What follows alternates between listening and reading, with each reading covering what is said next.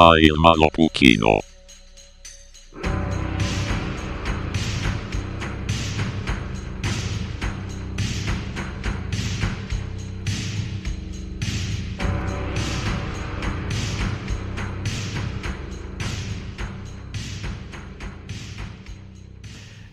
tere tulemast tagasi Maailma Lõpu Lounge'i. meil on siin järjest mugavamaks läheb, vahepeal on mööblimehed käinud, kes on äh, sellised diivanid ja, ja kušetid ja kõik on siia toodud, kus on mõnus. seinad on toodud. jah, seinad, lõpuks ometi on seinad, just. mina olen munavalge keedukreemitort Oliver ja minuga on Märten, mees, kellel põhineb mängufilm Nukitsamees. siis ma olen ka see, mida Raido väga kardab ja unes vahest näeb higisena. Mm -hmm. see viimane võib-olla ei, ma loodan, et ei ole tõsi, aga jah, eks ta, eks ta vana hea dokumentaalfilm ole, see Nukitsamees. Aga nagu Oliver ütles, oleme tagasi siin äh, lunges jälle omadega, vedeleme niisama, ajame juttu, räägime filmidest. liiga mugavaks läheb, võib-olla jääme magama mm, -hmm. saate eetrivaikust nautida. see oleks tore, kui see osa on lihtsalt mingi kaks tundi pikk või midagi ja tund aega sellest ja tüübid magavad vahepeal mm. -hmm. Woldi kuller käib, toob bibimbappi ja just. ma ma sõin esimest korda bibimbappi mingi aeg tagasi natuke. Kuidas hindad, mina ei ole kunagi söönud seda. tegelikult see on päris hea. Tegelikult on.. ja ausalt on mm, -hmm. ma ei ole kindel, mis seal sees on sest see nägi, nägi välja nagu, mingi asi seal vist oli porgand, see võis olla ka nagu sihuke viineritükk ja ülejäänu oli minu hinnangul oli to toit. ma, ma tegin üks päev hiljuti, see ei ole eksootiline toit ega midagi mm., aga äh, tütar nõudis äh, roosasid pannkooke ja siis ma avastasin kapist, mul on punast toiduvärvi mm.. siis ma, siis ma tegin, panin taina sisse seda ja tuli tõesti väga roosa. aga kui sa nad äh, ära praadisid, siis no sa vist nägid pilti sellest Jaa, onju et eh, need nägid välja nagu noh, nagu praetud nagu mingi doktorivorsti oled võtnud ja praadinud, sihuke roosa, aga samas nagu kuldpruun, no pannkook on ju. ja süüa oli seda nii veider, sest kui sa selle suhu paned endale, siis su aju ootab mingit täiesti teistsugust maitset, noh, maitses nagu pannkoogid. aga sa ootad, et sealt tuleb mingisugune soolane vorst või midagi ja noh, seest nägi see friiki välja, sest kui sa hammustad seda, siis noh, seest ei ole tainas pruuniks läinud, seest see näeb välja nagu väga verine steik põhimõtteliselt see oli, see on kõige eksootilisem asi, mida mina olen viimaste nädalate jooksul söönud. tavaline pannkook, aga see oli hoopis roosa. okei okay., vau, mul oleks ka selline äh, noh, pisike järglane, keda tead, aeg-ajalt ikka veel saab bambuuseldada kuidagi, ta nõuaks mult pannkooke ja roosasi. ma ei oska väga hästi pannkooki teha, paneks talle taldrikutäie mingisuguseid neid äh, doktorivorsti paned. ma mõtlesin, et ma tegin õhukesi pannkooke ehk siis neid äh, seda viilutatud kanasinki, vaata. petab ära. sa annad maasikamoosi kõrvale maasika mm., maasikamoosi kõrvale ja ütlen, kaks head maitset, mis on koos head. aga oled sa kuulnud siuksest nagu umami? Come on, ma arvan, et sa kasutad seda sõna valesti. tõenäoliselt. jah. ehk siis, kui te veel aru ei saanud, siis me oleme pivotinud äh, täielikult äh, kokandus podcast'iks. Märten, räägi, milline on sinu lemmik jahu? kas D viissada viiskümmend või mis see teine oli, D nelisada üheksakümmend kuus? need on mingi, need on mingid kuradi raketid või mingisugused asjad, mitte. jahuraketid jah, ei, kas, kas jahul on tõesti designatsioon on nagu D something something tugev tee ja need näitavad mingisuguseid, mingeid erinevaid kvaliteediastmeid ja mingid, selles mõttes, et need, need eritüübid on ka paremad mingite eritoitude tegemiseks, teatud tüüpi tainasteni siis tegemiseks. Aga ma ei tea sellest piisavalt, et tegelikult teada, millist millise jaoks kasutama peaks. mis see on siis näiteks see esimene, mis sa nimetasid, D nelisada neli või mis asi? ma ei tea, kas need olid õiged arvud ka täpselt, aga ma Ah, tean, okei. et need on D viissada midagi ja minu arust D nelisada midagi on, need on mingid erinevad variandid. aga mina kasutan seda veskimati eriti hea nisujahu, noh, see pakk ei valeta, see on eriti hea nisujahu. ma, mul vist on ka jahu kodus kuskil olemas, aga minu arust seal oli sõna üld peal, et nagu mingi üldkasutatav. üldkasutatav jahu, see on nagu üldpaastusvahend või? jah, et sa saad nagu igale poole panna põhimõtteliselt seda, aga sellega on see jama, et see võib siukse söögisoodaga nagu sassi minna, et siis tead, teed äpardusi mm. -hmm. no nagu te aru saate, üks meist siin on äh, natuke kõvem, kõvema taseme kokk võib-olla kui teine. ei, ei ole, ei ole mina kuskilt neid kokanduse skill'e ammutanud endale. ei, ole tarbinud seda kokanduse kaevu ääres ei ole käinud. aga tead, tegelikult, tegelikult ma tegin küpsiseid üks päev küll, nii, kuidas tulid välja? päris head olid mis küpsised need on? uh,. Need olid uh, tumeda šokolaadi ja kirsiküpsised mm,. Need on jällegi kaks head maitset, mis on koos head. mm. -hmm. ei, need olid väga head, aga noh, seal oli, retseptis oli see, et, sul võiks olla mingisugused se-, serrano kirsid või mingisugune sihuke tore Itaalia sõna oli, mis on hästi levinud, ma kujutan ette siis äh, ma tean, et Serrano sink on olemas, aga ma ei tea, mis Ma need see, ma arvan, need on maraschino või? jah, miks sa tead siukseid asju oh,? mul on nüüd, mul on tead, prosciutto kirsid olid nii mõnusad. Brus-, bruschetta kirsid. täpselt ähm,, neid kasutasin, õigemini neid olid vaja, mul ei olnud neid mm. -hmm. ja siis ma ostsin äh, purgi kirsikompotti no aga ajab asja ära küll. ja, ja väga hästi ja selles mõttes äh, vedelikku ma jõin niisama ära ja kirsid siis äh, noh, läksid hakkisid natuke, läksid küpsisesse ja väga hea oli. võib-olla ei olnud kõige esinduslikum, saatsin siin paarile inimesele siin ümbruskonnas, et proovimiseks tüki. proovimiseks tüki tahad ja siis kedagi ei olnud kodus miskipärast, et see noh, võib-olla ei olnud, kes teab, aga jah, ei sain, sain ise need nahka panna, aga väga head olid No ma aga nagu- uhke enda üle natuke. nagu meil siin traditsiooniks ikkagi on, et, et eh, siis kümne palli süsteemis, kuidas sa hindad neid? sa soovitad teistel ka süüa neid? jaa, ei absoluutselt, kirsid ja šokolaad on ju väga hea maitse koos. see retsepti järgi saab kindlasti siukseid kõvasid kaheksa palli küpsiseid teha, ma kujutan ette. minu omad olid sihuke, sihuke jäme kuus. no see on äh,, enesekindlust võiks rohkem olla, ma arvan, et need on ikka seitsmesed küpsised on ära.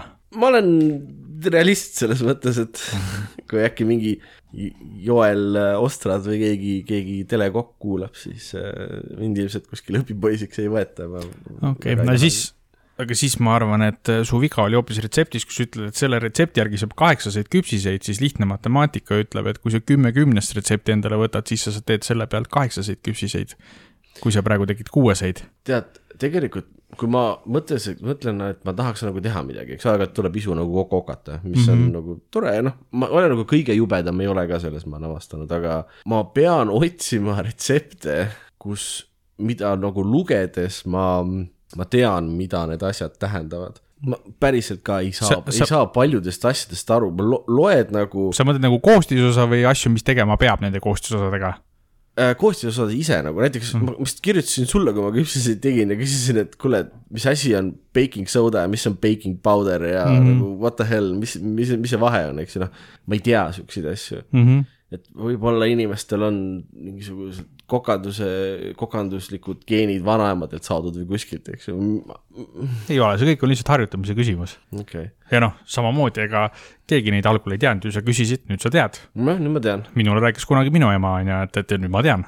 jah, olin siiani olin äh, soodat kasutanud ainult äh, WC-poti puhastamiseks ja siis ma ühel hetkel vaatasin, on jah, kurat, sõna söögi on ka ees et seda saab toidu sisse panna. alguses oli hästi veider, ma olin nagu mmm,, Oliver teeb jälle mingisugust vigurvänta mulle siin, et ja pane, pane seda ja vaat see põks, põks seepiga sisse kuskile ja mõnusad mulliga küpsised tulevad.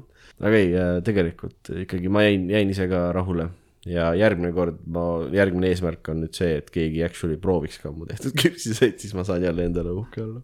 jah, ma arvan ka, et see päris nii hull ei ole, nagu see sulane rehepapis, kes käis mõisahärra juures seepi söömas. see on mingisugune põnev uus kook. aga kas see oli, see oli, see oli ka vist rehepap-, ei, jah, rehepapis oli see, see tüüp, kes äh, tegi ka šokolaadist mingeid asju siis jäi vahele sellega, et tal ei olnud šokolaadi, siis ta pani sinna mingit lambasitta või midagi, siis keegi küsis, et mis värk on. siis ta väitis, et öö, see pole sitt, see on šokolaad. ja, ja, ja, ja ta lasi mingisugusel, mingil neiul, kes talle meeldis, mingil teisel sulase neiul või kellegi või kellegi tütrel lasi seda süüa. ja, ja, ja see on klassikaline, mingid karvatükid olid seal sees ja see oli mingisugune, see oli mingi väga loll sulane, ma ei mäleta neid nimesid, peaks seda raamatut uuesti lugema peaks küll jah, ja ma arvan, et mingi rehepapp ja mees, kes teadis ussisõna on vist kaks mu kõige lemmikumat raamatut üldse eesti kirjandusest. jah, mees, kes teadis ussisõnu on ka minu lemmik eestikeelne raamat ever mm. -hmm. täiesti, täiesti vaieldamatult. ma ei tea, kui vana ta nüüdseks on, ikka mingisugune viisteist aastat või? midagi sellist, ma mäletan, et ma lugesin seda millalgi keskkoolis ja see oli küll viisteist aastat tagasi ja, ja ta on minu arust ta on kõige eestim raamat üldse, Mhm. tal on see nagu selline, see, see klassikaline eestlase see, et tahaks, tahaks teha ja kõva mees olla, Mhm. vaata. päris äkki ei tule välja samas ja mis ma ikka jauran nagu, tal on nagu kuidagi see vibe on nii nagu. ei, see on tegelikult on kivi vastik, äratundmine on sees nagu. on küll, sest Eesti olemus on ja on selline, mis täiesti, see raamatus täiesti tuleb, tegelikult on see ju Kivirähkil on, on, see on triloogia, on nagu Eesti, Eesti lood või nii-öelda eest-, eestlase olemus eri aegadel on Rehepapp on nagu see päris vana mm, -hmm. siis on äh, Mees, kes teadis ussisõnu, eks mm, -hmm. Mis on juba natuke uuem aeg mm. -hmm ja siis viimane on need Ivan Orava lood, mis on juba üheksakümnendad, et see on tegelikult nagu nii-öelda temaatiline triloogia Kivirähkil okay., et Eesti, Eesti olemine ja Eesti olemus läbi aegade mm -hmm. ja on ka tegelikult, kui neid lugeda, siis sul on sihuke, ma ei taha öelda äratundmisrõõm, sest ma ei tea, kui suur rõõm see on, aga sa nagu selgelt saad aru, et see on ikka, jep, sellised need eestlased on raisk. no on, ta segab jube hästi seda nagu, ta on metsikult naljakas, aga samas võib-olla rehepapp mitte nii palju, aga ka osaliselt ikkagi mees, kes teadis ussis on rohkem, ta on samas, ta on nagu täielik tragöödia ikkagi. ja, ja sa elad aga nendele niimoodi nagu kaasa, jah. naljakas ka mm. Mhm. -hmm. no e- esiteks juba see Rehe või selle Kivirähki kirjutamisstiil, et ta on miski, mida mulle meeldib öelda, et ta on hästi lingvistiliselt lopsakas. ta, see, kuidas ta neid sõnu ja lauseid üles ehitab, on täiesti imetlusväärne, seda on nagu, seda on lust lugeda, kuidas tema oskab sõnu kasutada. igastahes äh, tervitame teid taas kord meie filmiteemalisse podcast'i. mees, kes teadis ussisõnu, nad kunagi teevad filmi sellest. see on pikemat aega räägitud, see jah., see peab olema küll miski, millel on nagu budget'it tegelikult vaja, Ja, ja. kõvasti rohkem kui äh, novembril näiteks mm. -hmm.. november, noh, november on siis, sa oled näinud novembrit muidu? ei, aga see on see Rehepapi äh, ta, ta, ta on rehepapp. tõlgendus nii-öelda, jaa, ta on tõlgendus, ta on sihuke, sihuke küllaltki art movie. ma arvasin alati, et see on teatritükk, et sellepärast mul jäi see nägemata, ma ei teadnud, et see film on. ei, ta on väga hea, ma olen seda kaks korda näinud, ühe Mhm. korra kinos, ühe korra tuli ETV pealt. Ta on väga hea, aga tal on see, et ta keskendub rohkem sellisele mm, mingisugusele sellisele natuke müstilisele atmosfäärile või asjale, et ta on mm -hmm. Mhm. nagu plotile on true, aga nad on, nad ei tee eriti palju nagu nalju ja nii edasi. No osad on näiteks see, see pole sitt, su sokulaad, minu arust Mhm. on seal ka sees ja sellised asjad, aga ta on hästi ilus vaadata selles mõttes, et nagu vibe on õige, aga mm -hmm. Mhm. nad, jät-, nad jätsid selle komöödia poole, jätsid suuresti puutumata. noh. kahju, sest tegelikult see on päris suur osa neist raamatutest, on ikkagi see, no ikkagi tehakse seal nalja, mitte selle eestlase üle kui sellise, aga nagu nüüd noh, humoorikad ütlemised, humoorikad situatsioonid ja mm. -hmm. Ma oleks pigem pakkunud, et vaata see mees, kes teadis ussisõnu raamatu mm, -hmm. oleks võinud teha sedasi, nagu november tehti ja november mm -hmm. oleks võinud, või see noh, õigemini rehepapp siis, oleks võinud olla pigem selline traditsiooniline nagu komöödiavorm rohkem, et, et nad ei ole mingi rõhku pannud sellele, et kogu aeg on sihuke tunne, et veits nagu unenägu on või sihuke, sihuke veider, vaata. eriti kuna see tegelane Rehepapp on vaata ise ju sihuke klemm, vaata sihuke, sihuke sõbramees, vaata sihuke ja sihuke üle küla sihuke luurele mineku säga, et eh, tema film peakski olema sihuke lõbus pigem. ja just sinna ussisõnade raamatusse sobiks see teine toon rohkem. rehepapp on ainuke tüüp külas, kelle IQ on kolmekohaline number. põhimõtteliselt Eesti story. ei no hull on, hull on see, et Rehepapi kratt on ka targem kui kõik teised inimesed seal külas. oo, mul tuli selle novembri algus meelde, see hakkab kratiga pihta mm. -hmm. see on see asi, mis on nagu viiskümmend protsenti naljakas ja viiskümmend protsenti creepy nagu, sest nad on saanud, ühesõnaga, kui sa näinud ei ole, vaata, see on, see on actually väga hea film. ei, väga hea, nüüd kui ma tean, et see film on, siis ma vaatan mm., ma alati arvasin, et see on teatrilavastus ja mille ma magasin maha siis, kui seda sai vaadata. mm.. sa filmi The Witch oled näinud, see Va- Vavitš, see ka, ta kirjutatakse kahe väikse V-ga.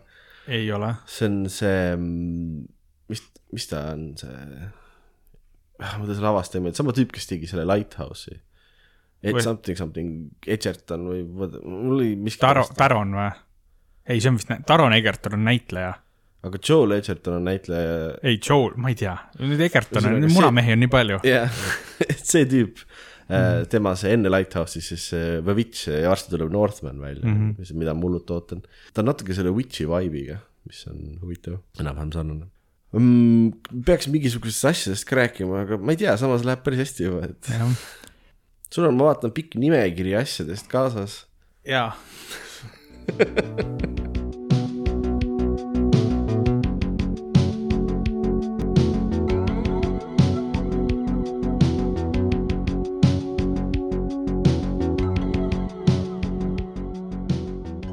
ma vaatasin hiljuti, samamoodi nagu sinule meeldib hiljuti alati asju vaadata mm, -hmm. ma ka seekord vaatasin hiljuti, vaatasin eh, Netflixi produtseeritud filmi Don't look up ehk Ära vaata üles mm. -hmm. see isegi, noh, see väga tundmatu ei saa olla, sest ta tegi, sai isegi mingeid Oscari nominatsioone ja ta vist küll ei võitnud minu teada midagi. aga eh, üsna korralik sihuke cast list, seal on sul Leonardo DiCaprio, Jennifer Lawrence, meil on seal Kate Blanchett, Meryl Streep, Timothy Chalamet tegi väiksema rolli ja et, et eh, seal neid eh, nimesid ja nägusid ikka on. ja see film ise oli äh, täitsa hea film, ütleme üle keskmise, et, et äh, seal, no filmina oli ta nagu okei okay,, osatäitmised olid päris head, seal oli näiteks äh, see Kate Blanchetti minu arust üks kõige lahedamaid rolle, mis ta on teinud, ta mängis sihukest äh, noh, kõrgelt haritud sihukest nelja-viiekümnendates äh, sellist hästi ära mukitud on ju, ilusat sihukest naist, sihuke meedia personality mm, -hmm. kes meelega mängis, et ta on natuke sihuke, tead, sihuke inglise keeles on hea sõna vapid või tead, sihuke sisutühi, sihuke mm -hmm. edev, sihuke fa-fa-fa, et ma olen lihtsalt inimestele nagu hästi sihuke mittekonfliktne nagu, mina olen lihtsalt kõiges naisterahvas ja meelelahutaja, on ju. yeah.. ja noh, tegelikult filmi jooksul tuleb välja, et on tegelikult kõrgelt haritud, oskab palju keeli ja mingisugune noh, hästi nagu erudiitne sihuke naine, aga ta meelega nagu, see toob raha sisse ja nii on lihtsalt lihtsam no, olla et, nagu et, nagu, nagu ta on meediapersonaalselt nagu müüa siis, kuna inimestele meeldib vaadata lolle inimesi, mis ja. on actually true minu arust on ju., et lihtsalt, et müüa okay. seda, lihtsalt elu on lihtsam olla sihuke sisutühi naine, kes saab oma šampanjat juua ja mis iganes ja mehi panna ja, aga ta tegi nii ülihästi mängis seda rolli ja ta on tehtud ka nii, et algul ma kohe nagu ei tundnud ära, et tal ei ole nagu hullu meiki, aga ta on nagu natuke tehtud nagu meelega siukseks, et äh, nagu see tegelane on ilmselgelt äh, seda äh, ilukirurgiat vaata tarvitanud. aa, okei, okei, jah, jah. ja Meryl, Meryl Streep, kes sisuliselt mängib naissoost äh, Donald Trumpi. Perfect roll minu arust talle kuidagi. ta jällegi väga hästi mängis selle ära ja no okei okay,, filmi sisu on põhimõtteliselt see siis, et äh, seal ühed üsna nagu siis madala taseme nii-öelda low-level astroloogid, astronoomid, mitte astroloogid mitte, astroloogid okay.. astronoomid avastavad, et maa poole lendab suur äh, meteoor, meteoriit. mul on need sõnad sassis, vaata, meteoriit on, on meteoor, on komeet, on asteroid, siis on meteoor ja meteoriit, aga need kõik on sisuliselt sama asi, aga eri etappides nagu maa suhtes, vaata. aga põhimõtteliselt noh, et mis on juba atmosfääri jõudnud ja, ja nii edasi. üks põleb enam-vähem ja üks aga see võib kuskil see, et üks on jääst ja üks oli kivist vist, see kuskilt tuli ka äkki asteroid on kivist ja komeet on suuremas osas mingisugune vedelik või gaas või midagi sellist. vot ma täpselt ei mäleta, mis nende vahed oli, lihtsalt ma tean, et seal ka mingit rolli mängib see, et mis nagu etapis nad on nagu maa atmosfääri suhtes on ju, et kes on juba sisenenud, kes lendab lihtsalt mööda on ju. Ühesõnaga nad avastavad siis kasutame sõna asteroid, sest see on hea sõna, see ma meeldib mulle julgesin. välja hõigata seda, et, et tuleviku Märten selgitab, siis tuleb mingi viis minutit. tuleviku Märten peab actually harima hakkama ennast ja seda küll ei taha hakkab keegi. vist Vikipeedia artiklit ette lugema. ahoi, tuleviku Märten siin äh,. asi lihtne, komeet on tehtud äh, jääst ja kivist äh,. tiirleb, noh, tegelikult tiirleb ümber päikese. Aga võib vahel sattuda kokkupõrkele ka maaga, kuna orbiidid võivad kattuda äh,. meteoor on äh, väiksem kivist äh, ese, mis põleb ära meie atmosfääris, kui ta planeediga kokku peaks sattuma meteoriit on nagu meteoor vaheliselt selles, et ta ei põle atmosfääris ära, ta tabab maapinda.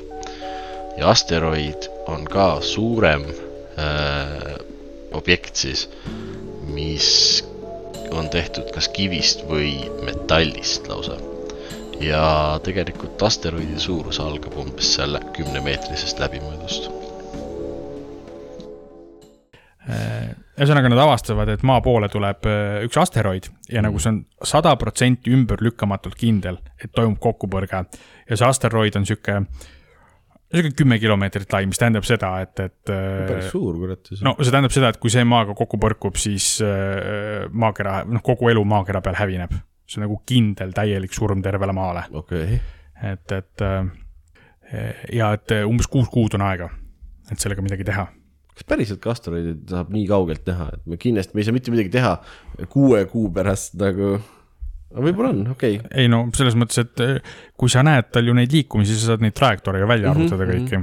jaa, okei okay,, selge, ja, ja siis hakkabki see trall pihta, et maailmale nagu selgeks teha, et, et, et need on ümberlükkamatud tõendid ja midagi peab tegema selle jaoks selles suhtes oli seda filmi nagu tegelikult masendav vaadata, et noh, see on ilmselgelt tegelikult ju allegooria sellele kliimamuutusele, mis meie maailmas toimub, on ju mm.. meil on ümberlükkamatud tõendid, et see toimub, selles mõttes, et need nagu äh, rahvusvahelised, mis iganes kliimateadlased ja muud sellised äh, organisatsioonid ei kasuta enam üldse sõna ennetamine, vaid kasutavad juba sõna adapteerimine oma plaanides, sest noh, seal enam ei saa ennetada midagi see nagu punkt on mööda läinud juba mm. -hmm. ja kui, kui siin filmis tegelikult vahetada see, see siis looduskatastroof, asteroid, vahetada ära kliimamuutuse peale mm, -hmm. siis see sama hästi võiks olla nagu lavastatud dokumentaal. et, et see asi keerleb kõik selle ümber, et, et äh, inimesed usuvad just seda, mis on äh, neile kõige soodsam, a la USA president, kellel on hästi palju võimu selle üle, et selle vastu midagi teha, sest kõige suuremad ressursid, teeb seda ainult juhul, kui see on talle poliitiliselt soodne, on ju. kõiksugu rikkad inimesed teevad ainult seda, mis toob neile, vahet pole, et kindel surm on tulemas, toob äh, neile kõige rohkem raha sisse ja muidugi valdav osa rahvast on äh, noh, siis umbes. jah, põhimõtteliselt see, sellest see nimi, Don't look up, sellepärast et nad hakkasid kampaaniat tegema, et ühel hetkel seda oli taevas näha reaalselt. Ära vaata üles. jaa, just, et noh, nagu kogu see antimäskerite see teema, et ka nagu täiesti ül, üle nagu äh, ülevoolavate ja silmaga nähtavate tõendite juures nagu inimesed ei, ei, ei taha nagu vastu võtta seda, sest see ei ole neile nagu soodne asi. ja noh, kuigi seal noh, jällegi selles maailmas on neid äh, reaalseid nagu vastuseid sellele, on siis fiktsioon või ei, on ju, et see asteroid tükkideks lasta või mida iganes mm, -hmm. kui ta piisavalt kaugel on, on ju, ja nii edasi, siis äh, noh, need jäävad nagu venima, et kas nendega teha, kas teha liiga viimasel hetkel ja siis avastatakse, keegi avastab, et oo, aga seal asteroidi peal on nagu mingisugune neljasaja triljoni dollari eest äh, neid äh, metalle ja asju, vaata, mida sealt saaks siis kaevandada. ja noh, loomulikult see raha läks kõik kõige rikkamate tasku, rikastemate tasku, sest nemad saaks seda teha.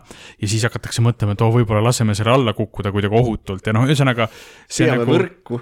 no põhimõtteliselt jah, ongi selles mõttes, et see oli päris hea film ja need osatäitmised olid head, ta oli nagu väga, ta oli üsna ettearvatav, aga see oli kuidagi nagu sellepärast ettearvatav, et me kõik elame seda praegu läbi, et see oleks, muuda see looduskatastroof ära ja see oleks dokumentaal mm. -hmm. ja, ja noh, kuidas see lõpeb, noh, seda ma ei hakka ütlema, et kas, kas neil siis läheb hästi või, või, või mitte.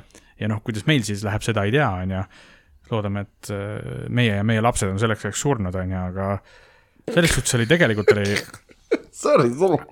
Ei no, et nad ei peaks mingisugust maailma lõppu üle elama, on ju, ei et, aus, lihtsalt see, kui sa nagu lause kontekstist välja võtad, siis on küll nagu Oliver vihkab kõiki ja kõigi järglasi ka nagu fucking hell. et ma täitsa soovitan vaadata, tegelikult oli nagu hea vaatamine, isegi kui ettearvatav, lihtsalt olla nagu valmis selleks, et kui sa oled vähema, vähemalt natukenegi kursis, kursis nagu sellega, mis maailmas toimub, siis mm. see nagu lööb hästi teravasse siis või noh, lööb sulle hästi teravasti fookusesse selle, et, et no tegelikult ongi nii ja noh, selle peale peaks mõtlema, mitte et meie indiviididena absoluutselt mitte midagi saaks teha, on ju, et, et noh, see, see on absurdne, et meil ei olegi muud teha, kui siin istuda ja loota, et need, kelle käest tegelikult on võim ja raha, võtaks mõistuse pähe, mida on nagu palju loota, eks, sest et see ei ole neile kasumlik. Illuminaatide käes. jah, kas ta naljakas ka oli siis? selles mõttes ma saan aru, et ta on nagu sihuke ühiskonna üle ir- ironiseeriv, eks ju. ei no naljakas oli see, et jah, ta oli isegi nagu ametlikult oli see, komöödiažanri alla ka nagu no,. lisaks muude asjadega oli komöödiažanri alla liigutatud ka, aga ta ei olnud nagu ta naljakas on. meelega nalja tehtud. jah, selles mõttes, et seal oli nagu noh, keegi ütles mõnikord mingit naljakat asja või mingid one-linerid või keegi pani ära või mingit sihukest nagu situatsioonikoomikat veidi oli, aga ta ei olnud nagu, ta ei olnud komöödia kui selline ikkagi. mm. -hmm. et selles suhtes äh, jah, lihtsalt soovitan vaadata, aga lihtsalt panna valmis, et, et äh, võib-olla selle filmi lõppedes sa oled väsinud kõigest ja kõigist vähemalt paar päeva enda ümber. Ei tea, see on viimasel ajal selline nagu tavaline eksistentsivorm, sa lihtsalt oled kõigest ja kõigist väsinud nagu kogu aeg jah, lihtsalt see võib sul süveneda, süvendada, süvendada seda tunnet paariks päevaks. mm. -hmm. nii et väike, väike selline disclaimer ikkagi ette, et võib-olla mm -hmm. eriti kui sa tahad pigem rõõmsameelne olla, siis ära seda vaata.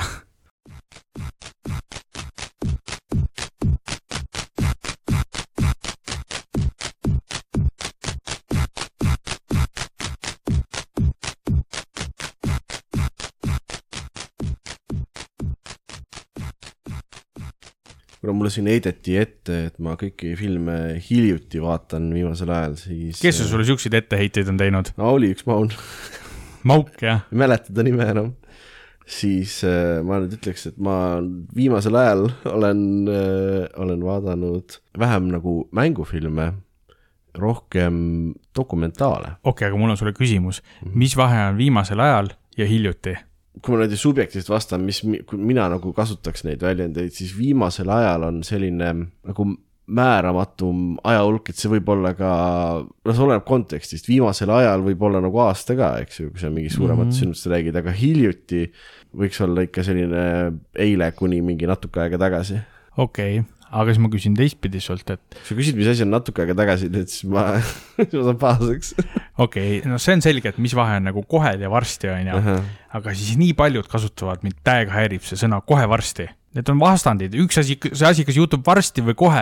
mis asi on, kui sa ütled, et ja me kohe varsti jõuame, kumb see siis on, kas me oleme kohe kohal või varsti? jumal küll. see on nagu risti vastupidi, kuidas saab miski olla vastupidi ja risti, üks on üheksakümmend kraadi, teine on sada kaheksakümmend kraadi. Lõpetage ära, inimesed. nii, sa hakkasid mingitest dokumentaalidest rääkima. sind ajavad kindlasti närvi ka minusugused inimesed, kes ütlevad vahepeal lause lõppu lihtsalt ei nojah. või kes alustavad lauset sõnaga, no ma ei tea see on ka nii tüütu, ma ei ole kunagi selle peale mõelnud, aga see on ka väga, väga rumal. ei nojah, igatahes äh, olen vaadanud dokumentaalfilme ja paljud neist on nagu filmikunstist olnud. mm. -hmm. ja dokumentaalfilme on selles mõttes erinevaid, osad neist nagu tahavad midagi nagu tõestada või sulle selgeks teha hullult, et ja siis nad on sellised energilised, kuidagi nagu noh, raiuvad pointi, muusika on siuke taustal ja siis äkitselt on mingid twistid umbes on filmid ja sellised asjad mm. no isegi dokumentaalfilmi tahetakse ikka narratiiv ka panna ju, sest narratiiv on see, mis inimaju hoiab, noh, inimene tahab lugu teada, on ju. Mhm, ta ei taha, et talle lihtsalt mingeid fakte ette loetakse.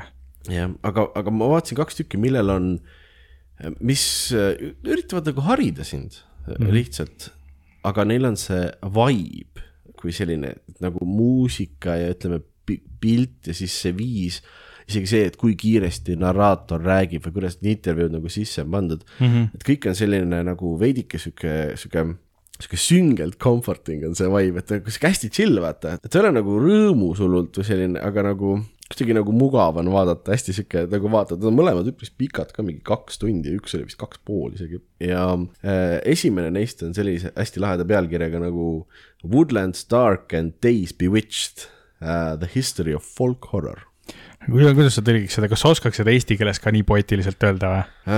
ma oleks pidanud sulle selle kodutöö enne andma, kes see nüüd käigu pealt siukse asja ära tõlgib? Woodlands Dark and Days Bewitched, ma arvan, on siis eesti keeles uh, metsad mustad. metsad on mustad ja päeval on nõiad. ma olen üpris kindel, et see on see, see on see, mida see tähendab. A history of folk horror, ajalugu on rahva jaoks õudne. jah, mul on hea meel, et sa ei ole inglise keele õpetaja.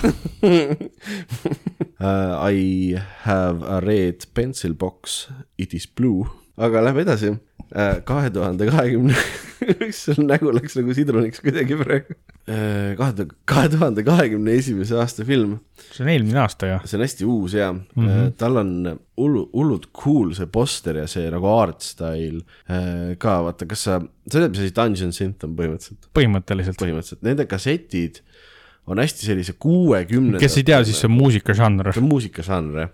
kujuta ette, et sa lähed kuskile koopasse seiklema, sul on mõõk ja sa lähed varandust otsima, siis kuskil nurgas on mingi vend süntesaatoriga ja teeb sulle muusikat selle jaoks Jah. ja see muusika, mis tema teeks sulle selle seikluse taustaks, see ongi Dungeon Synth. See on nii palju parem ja lühem kirjeldus, kui internetis on igasugused Dungeon Synth, Synthi nagu snoobid on seal mingi, ei no üheksakümnendatel, vot siis kui Pursum vangi pandi, vaata, siis ta hakkas vanglas tegema umbes flöödiga mingit asja, what the fuck. Anyway, film siis räägibki põhimõtteliselt sellest, et kuidas see on läbi õudusfilmide ajaloo on siis hästi suureks mõjutavaks teguriks olnudki äh, nii-öelda rahva folkloor mm. -hmm. see kõik see, mis tuleb nagu igasugused metsalegendid ja noh, meiega ühes eelmises osas äh, räägitud see Sator, eks ju, läheb kas tegelikult päris suures osas sinna alla nojah, aga mil- on ju, millest see hirm tuleb, eks hirm tuleb ju teadmatusest ja kõik need folkloorilood, eriti need hirmsad folkloorilood tulevadki ju sellest, et inimesed üritavad anda mingit seletust või personifikatsiooni asjadele, mida nad ei mõista ja ütleme, tollal oli kõvasti rohkem lo- loodusnähtusi, mida ei saadud aru mm, -hmm. millest ei saadud aru samamoodi, nagu me täna neist aru saame. ja siis tekkiski, noh, sellest nagu tekkis ju see folkloor ja need äh, rahva, rahva äh, ajalugu on hirmus jutud täpselt mm. ja see film hakkabki nagu küllaltki sedasi pihta seal, sealt noh, ütleme viiekümnendast, kuuekümnendast umbes hakkab nagu selle ajalooga pihta, toob välja neid uh, Witchfinder Generali näiteks ja The Wicker Man ja sellistest asjadest mm -hmm. hakkab nagu pihta ja siis seletab, et noh, küllaltki nagu sellise Briti vibe'iga vaata ja siis läheb nagu äh, tulevikku ja läheb nagu mööda maailma laiali vaata ta võtab täiesti regioonide kaupa, seletab, et näed, et noh, siin on nagu ajaloolised umbes sellised sündmused, kuidas niisugused asjad nagu, nagu mõjutavad äh, filme, mis seal kohas tehakse ja ta mm -hmm. ei mhm. ole ühegi regiooni spetsiifiline. et seal on täiesti nagu äh, hästi palju Euroopat on, äh, hästi palju on igasugust Jaapanit, Aasiat, kõik noh, kõike, kõike nagu laiali ja mida ta hästi lahedasti minu arust teeb, on see, et nad kasutavad metsikult, no umbes nagu Youtube'i review'd tänapäeval on, vaata, kasutatakse nagu klippe ja siis räägib mm -hmm. nagu peale mm. -hmm. et see editing'i stiil on umbes selline, et ta nagu, ta mainib mingit filmi ja nagu mingit asja, siis ta näitab sulle mingeid lahedaid kohti nagu umbes sealt, vaata. ja see arv filme, mida see dokumentaal käsitleb, on naeruväärselt suur, nad on nii põhjalikud, et nad jõuavad isegi Rehepapi novembrini ongi nii, jah? jaa, Väige, nagu aa. täiesti, nad on nagu, see on, noh, see on ka hästi pikk selles mõttes, see vist mm -hmm. oligi minu arust kaks pool tundi või natuke vähem. ja ma just mõtlesin, et see peab üsna, üsna mahukas film olema, kui nad ikka süviti kohe lähevad korralikult. ja nad lähevad hästi süviti, nende näited on noh, see on nii hästi research itud, et sul jääbki nagu kahte asja teha, sa noogutad, oo kui cool mm. või siis paned ruttu-ruttu filme kirja, mis tunduvad nagu ülikoolid, mingisugused Poola mustvalged old mhm. school mm, -hmm. jah, et eriefektid olid selle aja kohta väga head, siis sa näed mingeid hästi lahedaid filmiklippe, see on nagu noh, ta on, ta on nii nauditav, aga see vibe on samas nagu hästi sihuke rahulik, et ta nagu relaxing ka, vaat sa ei väsi ära kuidagi sellest mm. -hmm. et mul on nagu hästi raske kirjeldada dokumentaalfilmi head editing'i nagu rääkida, miks see hea on yeah.. aga kui vähegi filmi ajalugu huvitab või just nagu horror ajalugu tegelikult ka, mis noh, jällegi võiks nagu tava, lihtsalt filmihuvilisele ka natuke korda minna. Siis see on peaaegu selline väga-väga hea pühapäeva õhtupoolik näiteks, kus äh, saad lihtsalt uusi teadmisi sellise nagu horror žanri ja folgi žanri kohta, aga samas saad ka metsikult lahedaid uusi filme nagu. näiteks ma tean, sa mingi hullult, hullult suur horrori fänn ei ole, aga ma arvan, et see dokumentaal kindlasti meeldiks sulle. ma isegi ütleks, et ma olen üle keskmine just, mis puudutab filme ja sarju mm.. mul on vaata, nagu me oma horroris rääkisime, mul on probleeme interaktiivse horroriga.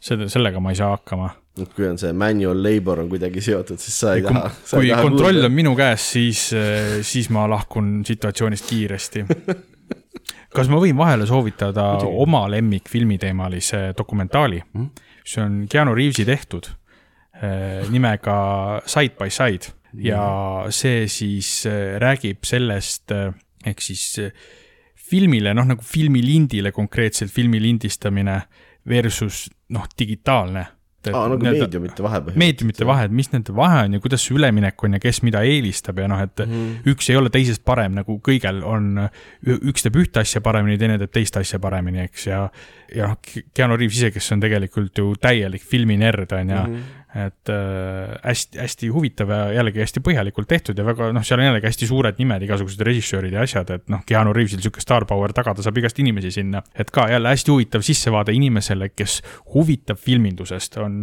dokumentaal nimega Side by Side, kes tahab just seda nagu tehnilisemat kulisside tagust lei-, teada saada, siis on jube põnev ma just tahtsin öelda, et see kõlab metsikult huvitavalt, see on, see on üks aspekt nagu, nagu filmindusest, millest ma tahaksin rohkem õppida, igasugused need aspect ratio'd ja just, et mis see nagu filmi, noh mis see filmilintide nagu vahe on tegelikult, eks ju, mida kasutatakse, on ju, mis, need mõjutavad ju seda, mis frame rate asjal on ja kõik ja. see, et nagu see mhm. on, see on, see on hästi tegelikult huvitav, aga ma nagu noh, see ei ole miski, millega sa tavaelus nagu kuuled või kokku puutud väga, sa pead mm -hmm. nagu minema otsima selle teema kohta Mhm. Just. rohkem, eks. aga noh, näiteks siin, siin on üks asi, mis on hea nagu sihuke jumping off point, et äh, sihuke hu- dokumentaal tehnilisest poolest filmidest, noh, et see, millest sa rääkisid, on rohkem sihuke ikkagi nagu see kunstiline pool või see yeah,, kus see pärit on, on ju, ja nii edasi. väga lahe, saime, saime kaks päris head siukest, siukest kokku juba. mul üks on veel, aga see ei ole filminduse dokumentaal, aga see on väga hea dokumentaal ka nii, um,. selle nimi, see on kaks tuhat kaheksateist, nii et ka noh, mitte päris uus, aga pigem ikkagi uuem uh,. selle nimi on Clark Ashton Smith, The Emperor of Dreams. see kõlab nagu mingi üsna halb science fiction raamat. jah, tegu on ka noh, mõneti science fiction kirjanikuga Mm -hmm. Äh, põhimõtteliselt, kui ma peaksin ühe lausega äh, ütlema, kes on Clark Ashton Smith, ta on H.P. Lovecrafti parim sõber äh,, kellega ta mitte kunagi päriselus ei kohtunud. väga, see on väga modernne sõprus, ma ütleks siis nagu tänapäeva standardi järgi. jah, nad, nagu kirjakorrespondendid Mhm. mm -hmm., vaata. ja t- Clark Ashton Smith oligi kõige lähedasem asi, mis H.P. Lovecraftil oli äh, millelegi, kellelegi, mida ta oma sõbraks nimetaks mm. -hmm. see on suht crazy nagu. jah, see, no see tüüp oli, noh, ta ei olnud vist kõige meeldivam oma eluajal ju, HPL või? jah.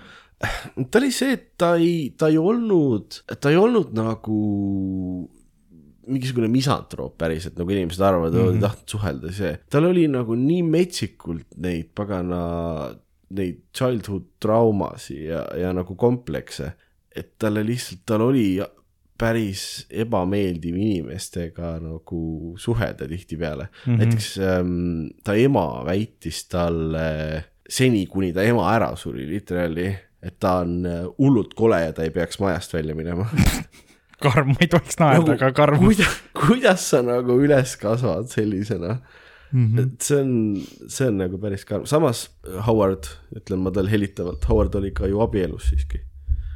Sofia Greeniga kunagi, nad hiljem, hiljem muidugi lahutasid.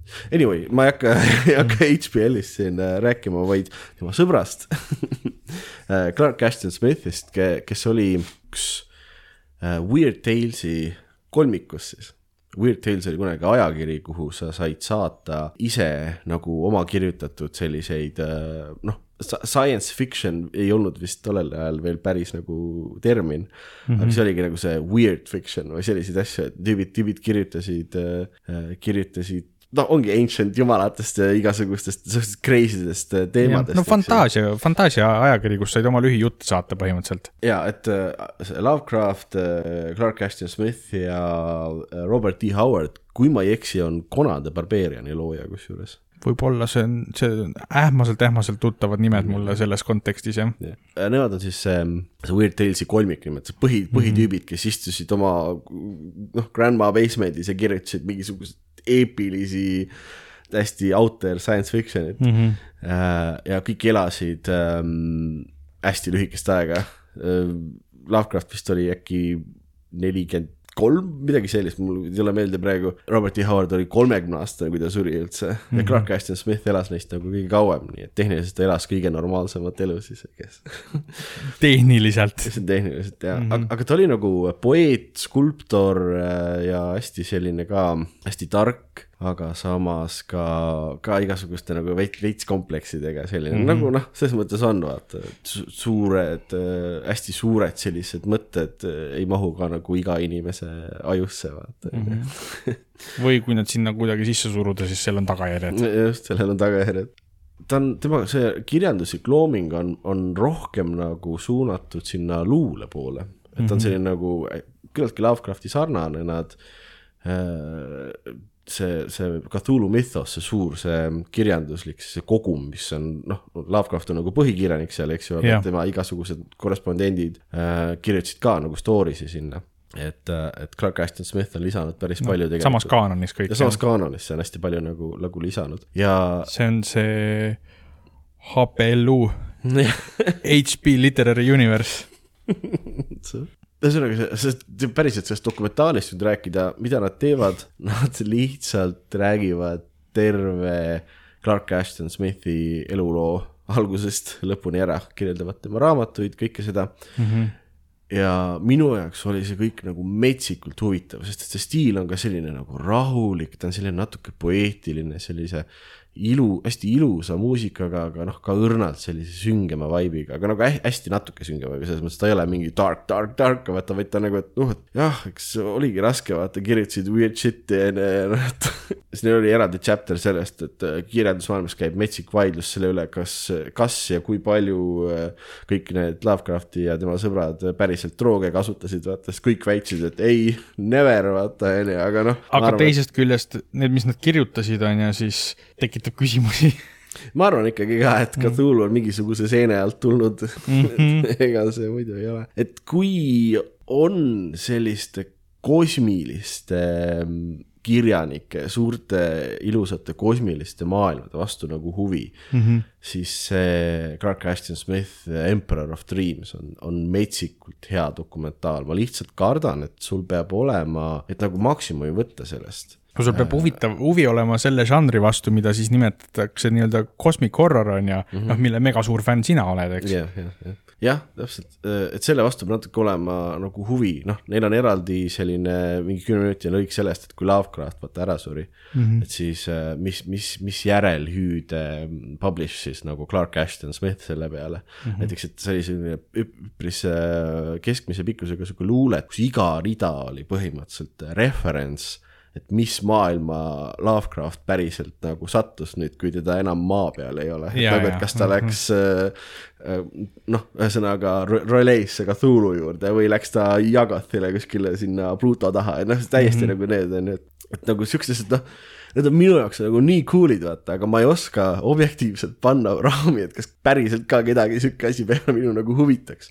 ma no, loodan see..., arvan, et äkki huvitab, aga mm, no aga see ongi selline asi, et isegi kui see dokumentaal tehniliselt ei oleks hea mm., siis äh, see on nii nagu niši sisu ja kui sa saad selle, no okei okay,, Lovecraft ei ole niši sisu, aga noh, point jääb samaks, on ju, et, et ta on ikkagi spetsiifilisem kui su mingisugune noh, nagu see minu toodud see side by side näide on ju, et isegi kui see film, film on tehniliselt üsna keskpärane, eks, siis eh, kuna see sisu on sinu jaoks nii huvitav ja see on noh, üks väheseid kohti, kus saab ja keegi on selle töö ära teinud, siis on ikkagi huvitav vaadata, niikaua kui see nagu eeldusena sul, sind huvitab see asi. et, et eh, noh, eriti hea dokumentaal, seda sa vaatad ka siis, isegi kui see sisu sind hullult ei huvita, kas see on nii hästi kokku pandud. aga kui sa teistpidi teed, et sind, sa juba tahad seda näha, siis see, see eeldus enam nii väga ei kehtigi, kui see just ei ole nagu mingi röögatult halb. mm..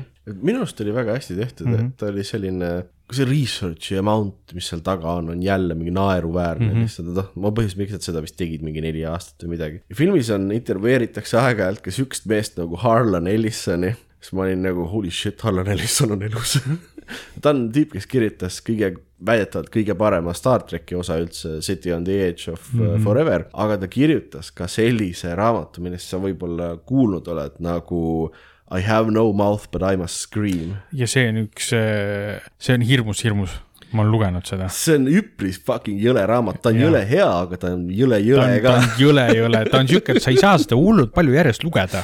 seepärast sa lihtsalt, sa emotsionaalselt väsid ära sellest ja ja nad tegid üheksakümnendatel sellest adventure game'i ka arvuti peal. ja selle äh,, mis selle arvuti nimi oli, ma ei mäleta enam, see oli mingi lühike nimi.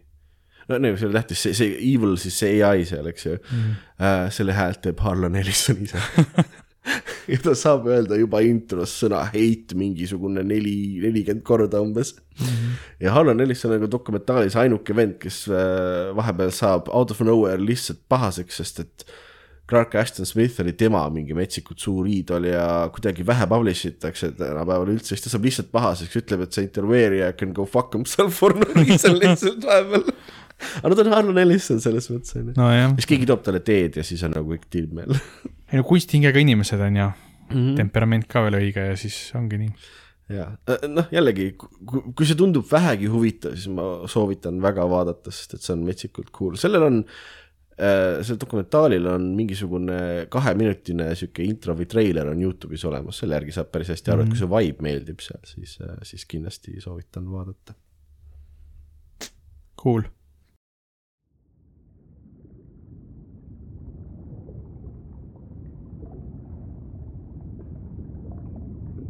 To Our Phillips Lovecraft by Clark Ashton Smith.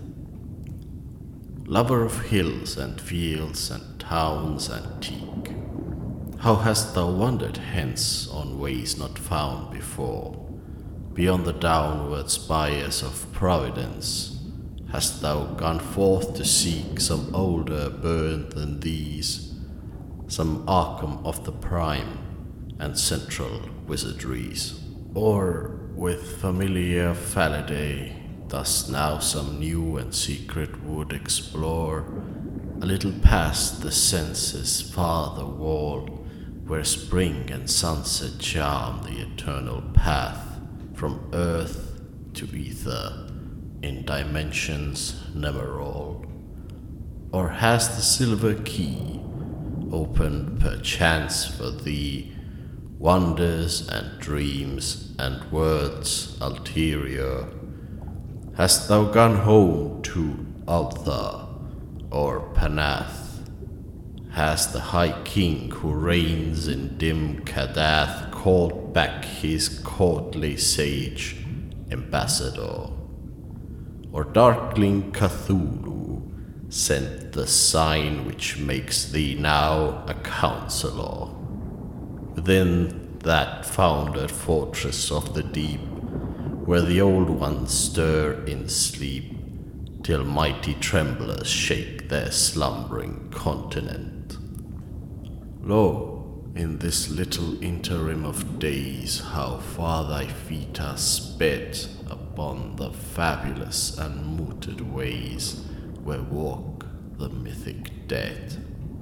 For us the grief, for us the mystery, and yet thou art not gone, nor given wholly unto dream and dust, for even upon this lonely western hill of Averon thy flesh had never visited. I meet some wise and sentient wraith of thee, some underparting presence, gracious and august, more luminous for thee the vernal grass, more magically dark the druid stone, and in the mind thou art forever shown, as in a magic glass, and from the spirit's page thy runes can never pass.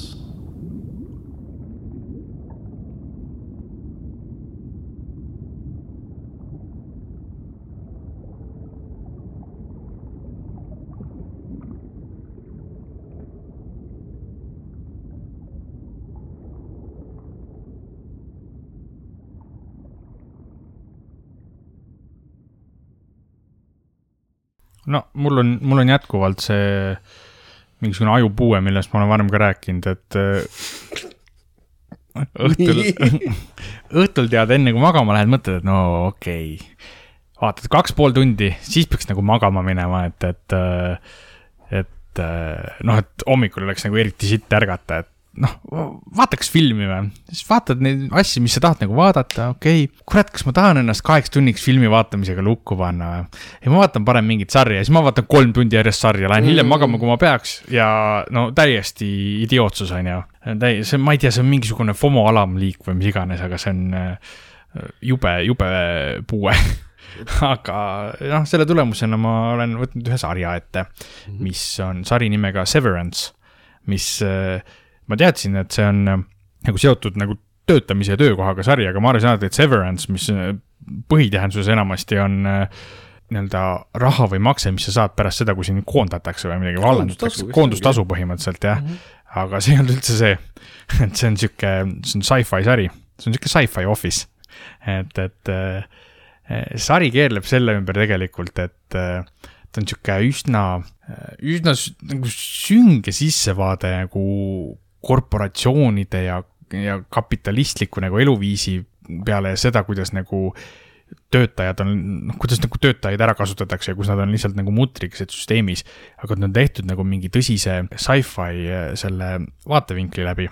ehk siis selle film, filmi, sarja nagu point on see, et nad töötavad sihukeses ettevõttes teatud töötajad, teatud inimesed tähendab mm., nimega Lumon ja seal on eri eriosakond, The Severed Department, mis ongi see severance. ära lõigatud ja, osakond. ja, et, et see severance siis on ehk siis äralõikamine või sihuke mm -hmm. eraldamine on, on protseduur, mida need inimesed sinna tööle minnes teevad, et põhimõtteliselt nende ajus siis ongi, lõigatakse ära, eks severed on siis üks, üks nende nagu mäluosa ja sinna pannakse mingi kiip ja mis see põhimõtteliselt teeb, on see, et kui nad lähevad sinna kontorisse sisse, see on nagu füüsiliselt eraldatud ala, siis neil on nagu üks hunnik mälestusi ja kui nad sealt välja lähevad, siis on teine hunnik mälestusi ja nad omavahel nagu seguneda ei saa. ehk siis sisuliselt nad on kaks inimest.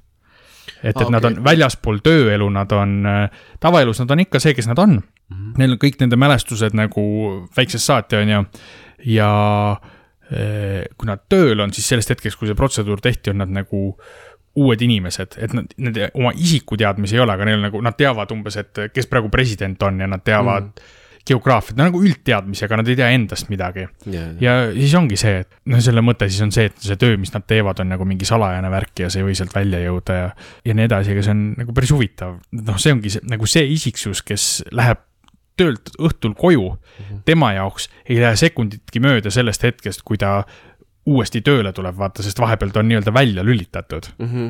ja noh, teine tüüp on samamoodi, et ta läheb tööle ja põhimõtteliselt sekund hiljem ta tuleb töölt ära ja siis noh, elab oma nagu tavaelu. see on mingisuguse siukse tööandja märg, märgunistus vist vaata, et kohal ikkagi bullshit ei jõua kuidagi tööle, et jah, põhimõtteliselt, et äh, seal on siis nagu töötavad salaja mingisuguste palgamõrvaritena või midagi. ei, ei, nad teevad kontoritööd.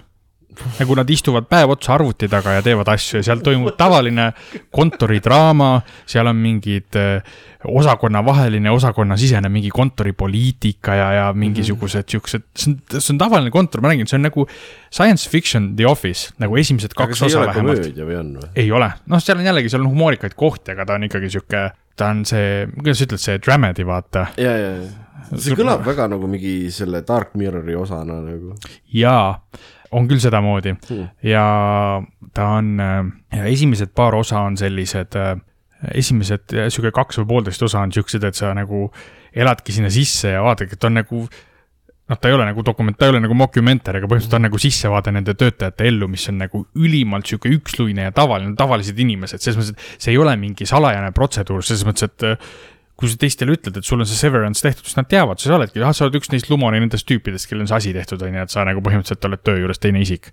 ja, aga noh, siis seal ongi, et seal on ikkagi, tuleb see sci-fi element ka selles suhtes sisse, et see nagu thrilleri element, et, et noh, seal keegi, keegi nagu teeb selle protseduuri reverse ib, mis ei tohiks olla võimalik ja siis ta hakkavad need asjad segunema ja siis ta äh, hakkab seal aru saama, et mingi jama ikkagi on ja mis see töö on tegelikult, mis nad teevad seal, sest nad teevad mingi kodeeritud mingi, no arvuti taga on see kõik nagu mingi kodeeritud Exceli failiga teevad mingeid asju, aga mis see tegelikult on, on ju, et, et äh, ja samas taustal ongi see kontorielu mingid asjad, et seal nende omavahelised suhted ja mingid rivaalitsused teiste nende osakondadega ja äh, see on, noh, see on täielikult see, et öö, saab läbi ja sa tahad nii väga, tahad järgmist osa vaadata, aga kurat, magama peab minema, on ju, et, et öö, päriselus paraku.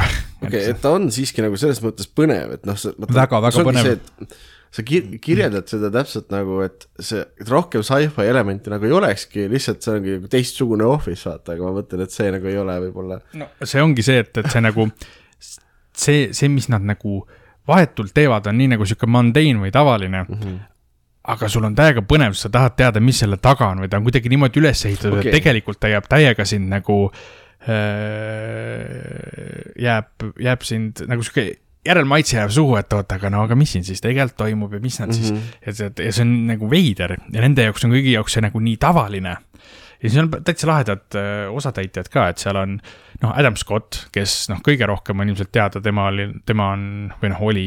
ta oli ju see Ben Ben, Ben and Stilleris või? ei, ta oli Ben Wyatt äh, seal Ben, and, Ben and Telleris ikka, mitte Ben and Stilleris.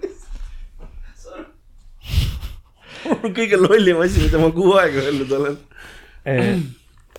ta oli äh, Ben jah, ta oli Ben Wyatt äh, Parks and Recreationis ja, ja kusjuures selle, see on naljakas, et sa ütlesid selle sarja üks loojatest ja ka eh, mitme, mitme osa, näiteks esimesed kolm osa ja mõned veel režissöör on Ben Stiller.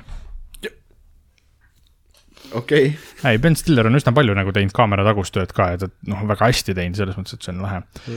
seal on paar tundmatut nägu veel, kes teevad, noh, minu jaoks tundmatud nägu, kes teevad head rollid, siis seal on John Turturro, mm. on üks neist kontoritöötajatest ja siis mingisuguse eh, rivaalitseva selle eh, siis osakonna üks juhataja on Christopher Walken Holy hell, okei ja okay.. siis äh, üks, üks nagu sihuke läbiv plotline, mis seal on, on see, et John Turturro ja Christopher Walkeni tegelase vahel eh, tekib sihuke, sihuke alalhoidlik ja häbelik sihuke office romance ja see on, see on ka päris lahe. Nad mõlemad on siuksed kunstientusiastid ja mm. see on jah, et see on okay, juba sellepärast peab vaatama seda Soul'd.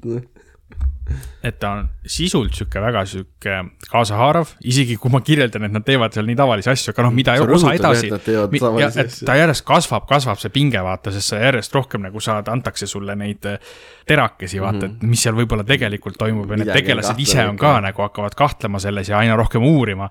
et, et ta läheb aina edasi, ikkagi väga-väga laheda lõpuni. aga kas see on selline klimaatiline lõpp ja on nagu sari on siis läbi ühe season'iga? ei, seda peaks ikka veel tulema jah. ma ei, ma, ma, ma, ma lõpust meelega ei taha rääkida okay,, aga ta, ta läheb nagu edasi jah. Läheb edasi, selge, aga mingi nagu satisfying lõpp siiski on, et Jaa, lihtsalt jaa. ei jää ainult cliff'i. lõpp, lõpp on hea. okei, kui ma veel peaks kirjeldama selle kogu asja nagu miljööd ja see, mis minu jaoks teeb seda ülimalt lahedaks ja see on üsna spetsiifiline referents, ma tean, et sina saad sellest aru ja võib-olla mõni kuulaja saab veel aru, aga mm -hmm. videomäng Control, Remedi mm -hmm. tehtud, tead on ju seda? jaa, selle, selle sarja tegijad, ma olen veendunud, on selle mängu ülisuured fännid. see on nagu Oh, see, wow, see, see okei., see on põhimõtteliselt selle mängu adaptatsioon lihtsalt nagu täiesti teise story'ga. nagu oma Oh, olemuselt okei. ja sellest, mis ta on, vaata no see, see eriti veider sci-fi, mis seal on ja siuksed veidrad siuksed, see, see on nagu vibe'ilt täpselt sama nagu see mäng. ja noh, mulle hästi meeldis see mäng ja see on üks põhjus, ma arvan, miks mulle see sari ka meeldib väga. ja ma arvan, et see meeldib ka suur, noh, sa saad koheselt aru, mida ma mõtlen, kui ma Jaa, kirjeldan jaa, selle mängu alusel jaa, seda et see vibe on täpselt sama nagu see mäng. huvi läks mitmekordseks, ma pean tunnistama seda. seda ma nagu väga soovitan. see on jällegi nagu ikka, ta on kaheksa või üheksa osa, ma ei mäleta peast ja kõik osad on sihuke viiskümmend kuni tund, viiskümmend kuni kuuskümmend minutit, et mm., et, et ikkagi korralik vaatamine ikkagi siis õhtul. jah, väga cool, ma see kontrolliga kuidagi, mulle peaaegu tuli nagu see, noh, kontrollis on see The Oldest House mm. -hmm. mul tuli lihtsalt ette, kuidas nende kontor on samasugune nagu ilus, puhas, valgustatud ja üldse ei allu mingitele ree-, meie maailma reeglitele samas. umbes nii see ongi jah, ei ma kujutan ette, et see nende kontor on, see hoone isegi väljast on, ta võiks The Oldest House'ist üle tee olla kontor, oo, okei. lihtsalt ta ei ole nagu suurlinnas, nagu Oldest House oli. nojah, müüdud, ma hakkan mm -hmm. vaatama seda. päris kindlasti vaata jah. mängige kontrolliga.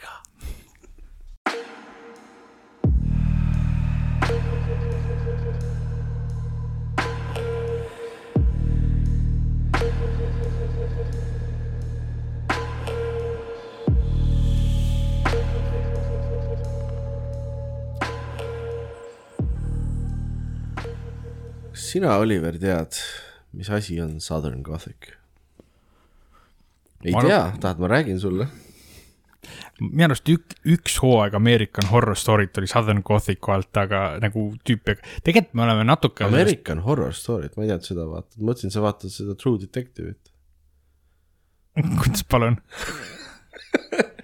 ei Eh., päriselt, sa oled, sa oled American Horror Story't vaadanud? mitte kõiki hooaegu, vist mingi okay. esimesed neli või minu arust neljas hooaeg oligi mm. -hmm. aga tegelikult oleme minu arust sellest žanrist varem rääkinud, vist küll mitte siin podcast'is, aga niisama, et. üldiselt ilmselt jah. et, et mul on ähmane ettekujutus, aga palun tee mulle väike re- refresher course. ta on selles mõttes ainulaadne nagu žanr, et ta on nii muusikas kui kirjanduses kui filmikunstis, noh, obviously ka lavakunstis, eks ju, et ta on nagu rohkem isegi nagu mingi kirjand-, sai alguse kirjandusest nagu liikumine või sellised nagu ma ei taha sõna vibe kogu aeg kasutada, aga ta on nagu, ta on mõnes mõttes nagu vibe, aga noh, spetsiifiline miljöö. spetsiif-, väga spetsiifiline miljöö, mille alla siis ma üritasin ka Vikipeediast igalt poolt nagu uurida, mis asi see Southern Gothic on, sest nagu ajus tead, vaata, aga kirjeldada on hästi raske. no see on see, et I will know it when I see it tüüpi mm -hmm. asi. ja äh, see on ka samamoodi ja Vikipeedias kohe oli see, et noh, et groteskselt ülepingutatud tegelased ja hästi sünge sü- süžee, mis segab siis äh, reaalsust äh, selliste õrnade üleloomulike elementidega. aga üleloomlikud elemendid enamasti on nagu hästi taustal, vaata niimoodi. Aga, too siis näiteid või see ilmselt nii on kõige parem aru saada ju mm. -hmm. mis on head näited Southern Gothicust? ta on selline Ameerika, Ameerika stiil ja Southern tule, tulebki sellest, et noh, enamus sellest toimub kuskil jah. väga lõunaosariikides mm, -hmm. siukses soodes ja igal pool seal mm. -hmm. mul on äh, noh, miks ma sellest tegelikult nagu rääkima hakkasin, sellest žanrist üldiselt on, on see, et ma vaatasin hiljuti äh, hiljuti ära sellise filmi nagu The Devil All the Time Mm -hmm. siis äh, saatan kogu aeg. ja ma absoluutselt ei teadnud, mis selle nagu sisu võiks olla, ma teadsin, et ta läheb sinna Southern Gothicu alla ja leidsin seda selliselt, et ma IMDB-s vaatasin, kus kohas on Robert Pattinson veel näidelnud, sest pärast, pärast Lighthouse ja pärast Batman'i tüüp on saanud üheks mu lemmiknäitlejaks ja see on lause, mida ma ei oleks arvanud, et mu suust kunagi välja tuleb. Mm, -hmm. aga ta on ikka nagu vastikult andekas nagu, üliandekas mees jah. üliandekas mees ja siia ma ütlen vahele, et, et selleks ajaks, kui see podcast väljas on, on juba Batman streaming service ites olemas. HBO Max, ma arvan, on vist see, kust seda saab, Eestis, Eest, Eestis ei tea, tead, Eestis saab äh, mingite TV3-de või mis iganes asjade kaudu, neil on vaata mingid diilid alati. Point see, et see on nüüd saadaval, minge vaadake seda uuesti või mitu korda Jah. oma kodu mõnus, kus sa saad pausi peale panna, et keset kolme tundi vetsu minna. jah, absoluutselt, ma ka kahe, kahe käega poolt, vaadake ära see, vaadake kohe mitu korda, see on, see on piisavalt hea küll selleks. aga seal The Devil All the Time'is on selles mõttes huvitav, seal on päris mitu superkangelast tegelikult. seal on Robert Pattinson mm, -hmm. filmi nii-öelda kõige rohkem äh, peategelane tegelikult on Tom Holland, Spider-man, Spider-man, siis sul on seal selline näitleja nagu Sebastian Stan no see on ju see talvesõdalane. jah, ka Marvelist, eks mm. -hmm. siis seal on äh, Bill Skarsgård. aa, no tema võib olla superkangelane, aga ta on Thori Deadpool hea kaks isik,, Deadpool kaks. no jaa, okei okay., aga ta on ka Thori hea isiklik sõber.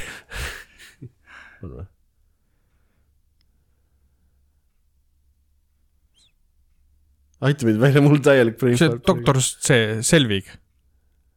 ei, ei, ei, see on vale Skarsgård. ah kurat, neid Skarsgårde on nii Neid palju on nii ju. palju, see on see vanem Skarsgård, Bill Skarsgård on see tüüp, kes mängis äh, Pennywise'i selles äh, Itis, no uus versioonis siis mhm.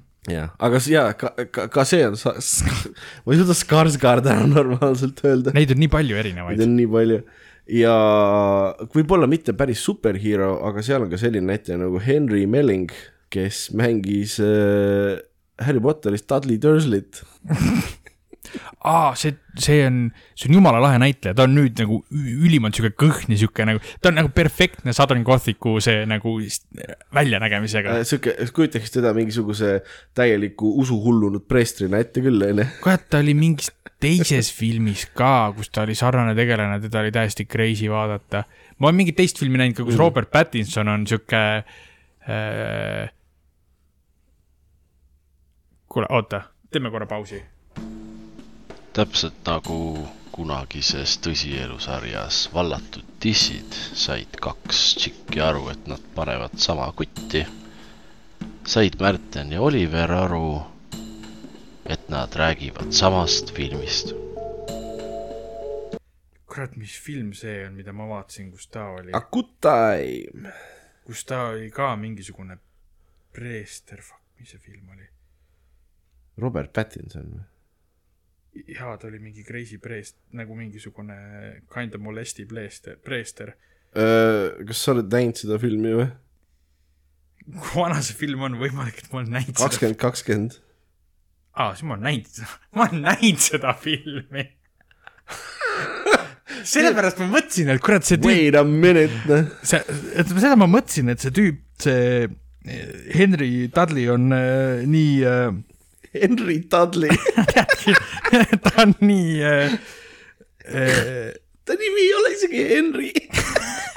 mis ta oli, mingi Melli Belni Harry, Harry Belling. ah,, Harry Melling jah, et, et kõik Simsi kirjeldavad mingit ja, ja nad on teinud mujal ka siukest head rolli. aga jaa, ma olen näinud seda see on filmi. täpselt nagu seal teises filmis. upsaruuni, noh. midagi ei ole öelda ja see on väga hea film, ma nõustun sinuga.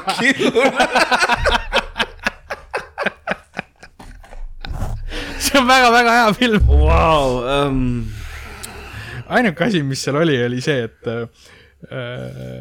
Tom Holland ikkagi näeb üsna laps välja, ta on nii noorene, ta vaata., ta on veits laps, aga samas see roll nagu oligi, ta pidigi siuke kuradi jõnglane olema, mingi seitseteist või kaheksateist või ta oli hästi noor seal. nojah, aga ikkagi ta kuidagi tundub alati noorem, kui ta nagu peaks olema rollis, Ta välja arvatud Spider-man ta ei jaoks. ole nagu jah, nagu tõsiseltvõetav mõnes mõttes onju, aga ta on jube hea näitleja ka minu arust. et nagu see, kogu see film oli minu arust täis nagu neid näitlejatöid Mhm. ja kui keegi, ühesõnaga noh, The Devil All The Time siis räägib ühe tüübi loo, Arvin Eugene Russelli loo sellest, kuidas ta üles kasvab ja juba väiksest peale hakkab tema elus nagu konkreetselt aeg-ajalt kõik järjest perse minema tema mm -hmm. ümber ja kõik see on nagu seotud ähm, usuga ja sellesse, kuidas inimesed usuvad ja kui fanaatiliselt võivad inimesed nagu uskuda Jah. millessegi Mhm. mm -hmm. erinevatest nagu, nagu vaatevinklitest. seda on huvitav vaadata, sest minu jaoks on see teema nagu üpris kauge, vaata, mina elan Eestis, kus on enamus on pahurad ateistid, eks ju, ja mõni mm, -hmm. mõni napakas viiking on ka kuskil, eks, aga selliseid vadu kristlasi nagu on vähe. Ameerikas on natuke teistmoodi, eriti lõunaosa riikides siis. Mhm. see, see, see, see lugu, mis mulle nagu, meeldis selle üles, ülesehituse peal, ta näitas sulle algusest peale mingeid erinevaid tegelasi, aga sa enamus filmi osa tegelaste puhul sa ei saanud aru, miks nad olulised on või miks neid näidatakse nagu, sest et noh, nad ei olnud, nad on nagu korra umbes mööda kõndinud mingi peategelasest tänaval, ütleme jah. Ja miks nad ikka jätkuvalt seda tüüpi näitavad mulle aeg-ajalt, kes see mööda kõndis onju ja siis ja su nagu- aju teab seda, et nad ei näita teda Ja- lihtsalt niisama. Ja ja sa siis oled- tekib see pinge. ja, metsik, metsik pinge on terves filmis mm., ma olin nagu vaata, see on nagu üpris pikk oli kusjuures mingi üle, üle kahe tunni minu arust mm.. no see on üsna, selles mõttes, et tänapäeval ei saa enam olla, et kurat, see film on üsna pikk, see on üle kahe tunni, sest see on, see on standard nüüd. jah, see on vist standard nüüd ja nagu aeg-ajalt ma märkasin, et ma nagu unustan, unustan täiesti nagu hingata, sest ma mõtlen, et oh god, okei okay,, viis minutit ei ole nagu midagi väga perse läinud. nüüd Siit tuleb, tuleb. siit tuleb, Eesti tagant põlevad.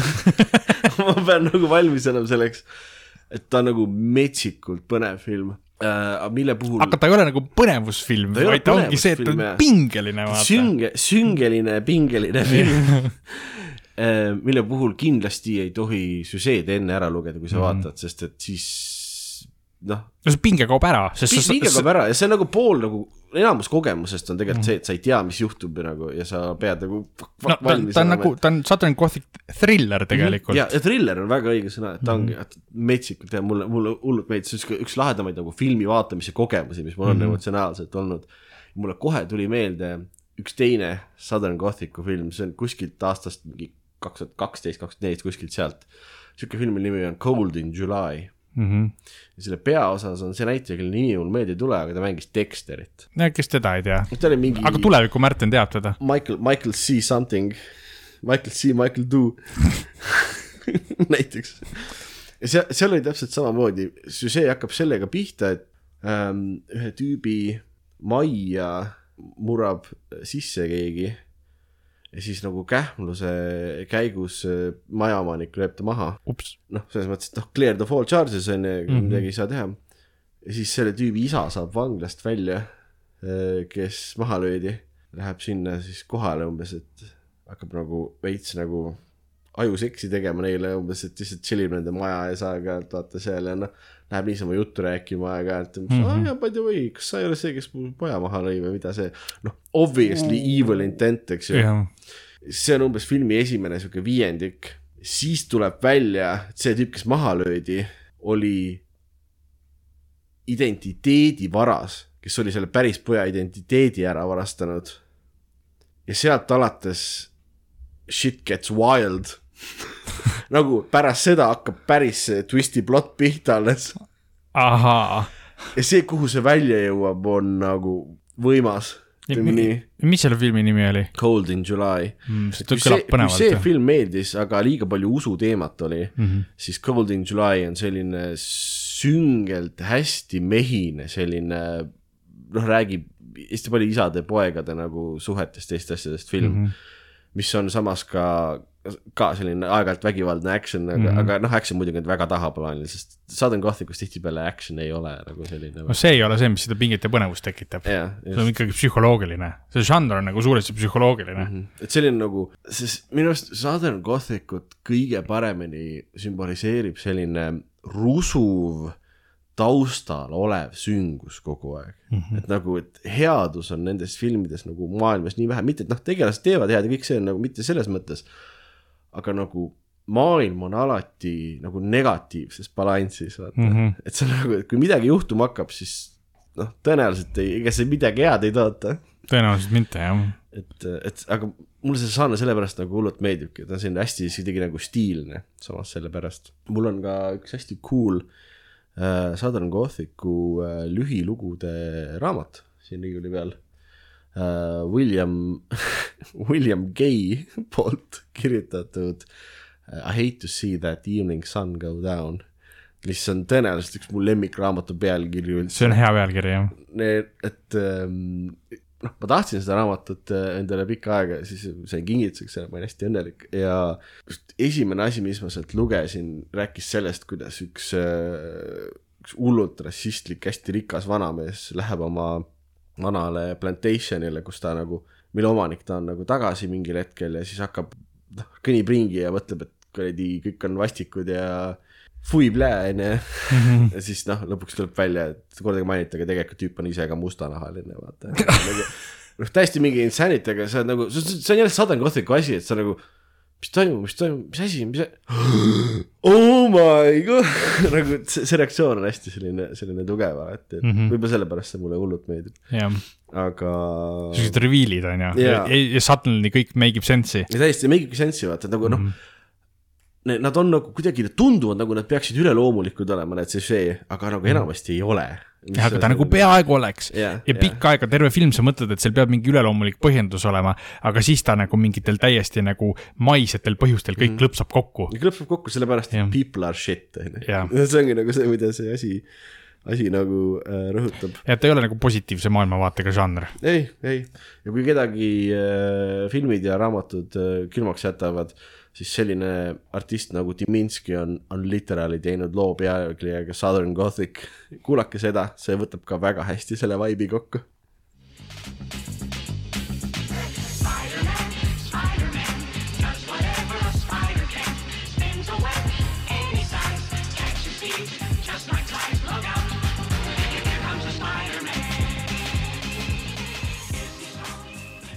MCU, MCU käes on Marveli nurk, jahuu. ja äh, vahepeal on tulnud välja järgmine sari Marvelil. no praegu lindistamise hetkel see ei ole terve hooaeg lõpuni, aga Moon Knight ehk äh, Kuurüütel, Batman'i rip-off. just. ainult et keegi on pannud ta nagu negatiivi, vaata nagu see foto negatiivi, üleni valge. no jällegi Marveli sari eh, nüüdseks võib küll öelda juba, et nagu tuntud headuses mm.. et ta on jällegi midagi hoopis teistsugust, kui seni kõik teised on. et ta keskendub hästi, noh, see peategelane on, no ta on üsna tundmatu tegelikult, noh jällegi mainstream'is üsna tundmatu tegelane, Moon Knight on ju, noh sina tead teda mingil määral. aga noh, tegemist on inimesega, kellel on äh, vaimuhaigus, tal on äh, see lõhestunud isiksused, tal on neid noh, mitu, no vähemalt kolm, selles sarjas vähemalt on ta kolm mm. neid. noh, üks on nii-öelda ta ise ja siis kaks teda seda siis nii-öelda lõhestunud, mitte, mitte päris isiksust. Neid on tegelikult rohkem. no jaa, no loomulikult on ju, aga seni sarjas on ainult kolm Ja, ja, ja. ühte neist me tegelikult ei ole kohanud veel. lihtsalt seal vihjatakse, et üks on olemas veel okay.. ja, ja ta on siis, ja see sari siis, ja see tegelane pöörleb siis ümber Egiptuse mütoloogia.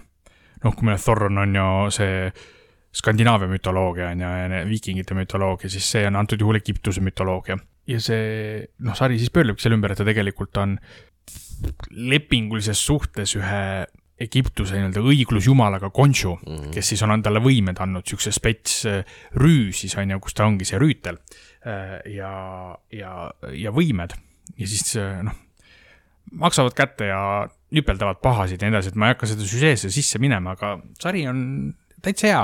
Ta kindlasti ei ole Marveli parim sari, ta on pigem seal allotsas minu jaoks, aga allotsas päris või? no jaa, aga ka Marveli kõige sitem sari, kui ma praegu peaks neid pingeritta panema, need neli main, mis on tulnud mm, -hmm. siis ükski neist ei ole halvem kui väga hea. aga mis oleks kõige, selles mõttes neist neljast kõige, kõige nõrgem? Neist, mis praegu on lihtsalt tulnud või? mis, mis see järjekord tuleks, kus sa paneksid nad üldse? tuletame meelde, mis need on, meil on Hawkeye, meil on Loki, meil on äh, WandaVision ja mis see üks veel oli? Kas need kolm oligi ainult või? aa, see Winter Soldier ja Falcon. jaa, ma ütleks, et, ütleks, et Winter Soldier ja Falcon oli minu jaoks nendest neljast kõige nõrgem, sest seal oli see villan oli see ainult nagu see terroristi plott mm. -hmm. siis ma. Mitte, mitte Baron Zemo, kes ei olnud mitte Ei. ei. ühegi nurga alt sant, ei, tema oli by far kõige parem. absoluutselt. ja siis edasi on nagu keeruline tegelikult, sest et äh, nad kõik olid eri nurkade alt nagu lahedad. tervikuna ma ütleks, et võib-olla ma paneks kolmandale kohale siis Loki, kuigi seal jällegi see lõpu, see He Who Remains või ehk see mm, -hmm. mis ta nüüd oligi? ta Äh, the Conqueror. aa ah, jah, see vallutajakang on ka nagu Kangi ülimalt vallutaja. lahe ja jällegi see multiversi asi on seal nagu hästi lahe mm. -hmm. ja siis ausalt öeldes Hawkeye ja WandaVision ma paneks samale pulgale. okei okay., mul, mul oleks peaaegu kolm esimest oleks täpselt reverse order'is, ma olen nõus, et see jah, see äh, Falcon ja Winter Soldier mm. oleks nagu neljas, siis tuleks mul WandaVision Mm -hmm. siis Hawkeye ja Loki oleks esimene, sest et ma olen, ma olen nõme Doctor Who fänn, vaata mm. -hmm. ja see on nagu Doctor Who põhimõtteliselt Lokiga. ja, ja see on see, sealjuures hea kuulaja, see on seosetu, Märten on Doctor Who fänn ja nõme. see aus ülestunnistus. ja, ja ma ütleks, et selle sarja, kui ma peaks nii pingeritta panema, aga see ei ole tegelikult aus hinnata praegust, ma ei ole seda lõpuni näinud mm. -hmm. tegelikult noh, praegu ma et seal on nagu see, et äh, seal on palju huvitavat, see nagu see vaimse haiguse aspekt ja see, kuidas tal need eri, eri need äh, isiksused seal omavahel on äh, konfliktis ja mingil hetkel koostööd, see on nagu hästi põnev mm, see on lahe, see on midagi uut jälle. aga samas see nagu muu osa, see, mis on see seiklusosa ja action on ikkagi jällegi üsna sihuke by the numbers, sihuke Marveli värk. standard Marvel vist. standard Marvel jah, selles suhtes, et see action on lahe, ta on lahe tegelane, on ju, ta on visuaalselt hästi tehtud, Marvel ei tee kunagi neid asju halvasti mm. -hmm. aga ta ei ole enam nii originaalne. aga kõik, et praktiliselt iga osa on see, et kuskil osa hetkel ma nagu tunnen, et mm, nojah, okei okay,, see on üsna Nüüd huvitav, aga ja, ja siis äh, võib-olla vaataks isegi telefonis, vaatad kümme minti midagi, aga siis nagu järsku ta läheb jälle originaalsesse suunda ja on nagu huvitav ja noh, siin sarjas on just see huvitav, et äh, isegi mitte see, kui ta on see pääres äh, kangelane, mis on lahe, see Moon Knight on hästi lahe tegelane, seal on veel see, et tal on erikostüümid, et mis isiksus on, kui ta on see põhivend, see Mark Spector, siis ta on see Mr Knight. ei noh, siis ta on see Moon Knight on ju, ja siis kui ta on see äh, Spencer või? Mark ei, Steven, Steven Jah, või Davi jah. äh,, siis ta on Steven Grant, siis ta on Mr Knight, kes on hoopis teistsugune nagu see kostüüm, et need isiksused on erinevad, eks. ta on põhimõtteliselt Rico Suave. jah, ja kuigi siin see Steven Grant ei ole suave tüüp, ta on väga sihuke awkward, sihuke gift shop seller Suurbritanniast. aga, et noh, see on see huvitav osa, tegelikult on huvitav vaadata lihtsalt, et see, aga noh, ma ei taha lõplikku hinnakut anda, sellepärast et tegelikult praegu on neli osa väljas ja kuus on kokku, on ju, et, et ma tahan näha, kuidas see lõpuni läheb, sest praegu ta on nagu hästi põnev tegelikult. aga ta hoiab, hoiab sul nagu selles mõttes tähelepanu, et sa ikkagi nagu tahaks, Ma- ütleme, kui oleks uus osa väljas, sa läheks koju ja vaataks seda. ja, ja ma vaataks kohe okay., selles suhtes absoluutselt kindlasti, lihtsalt iga osa keskel on mingisugune natuke liiga palju mingi standardasja, et, et mis on nagu okei okay,, no siin nad kaklevad, on ju, okei okay,, see näeb vahe välja, okei okay,, siin pahad ajavad taga ja noh, villan on lahe, Ethan Hawke mängib villanit, no see on, ta on lahe. no selles mõttes, et ta on nii menacing, sari algab sellega, et seal on sihuke hästi aeglane nagu sihuke stseen sellest, kuidas ta võtab mingi klaasi, siis rituaalselt lööb selle puruks ja siis paneb oma sandaalide sisse need klaasikillud ja siis paneb need jalga. ja siis kogu ülejäänud sarja seni, iga kord, kui ta kõnnib, siis on taustal on see Foley efekt nagu see klaasikrigin, vaata, sest ta kõnnib klaasikildude peal kogu aeg. okei. ja ta, see on nii, see on okay. nii hirmus kohe. ja teine suur Marveli asi, mis tuli, on tegelikult hästi väike, on minut ja kolmkümmend, on Thor Love and Thunderi treiler tuli välja Jaa, jaa. kusjuures ma just mõnda aega tagasi mõtlesin, et kurat, et tõesti, see tuleb juba mingisugune pooleteist kuu pärast välja. ja see on tõesti, see on kõige, kõige väiksema vahega Marveli film seni, mis on nagu nii-öelda esimese treileri ja filmi selle linastumise kuupäeva vahel on kõige väiksem vahe nüüd Mm, ühegi teise filmi ei ole, et meil nüüd mais, kuues mai tuleb see Doctor Strange'i film ja see tuleb, kui ma ei eksi, juulis vist või juunis, ma ei mäleta, juunis või juulis tuleb välja vist see, isegi juunis. Jah.